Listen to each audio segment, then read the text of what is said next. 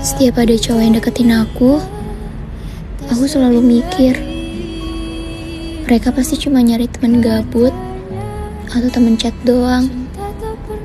Setiap aku suka sama orang, aku langsung bilang ke diriku sendiri, sadar, kamu itu gak pantas untuk dia. Gak mungkin tipe cewek dia kayak kamu. Udahlah,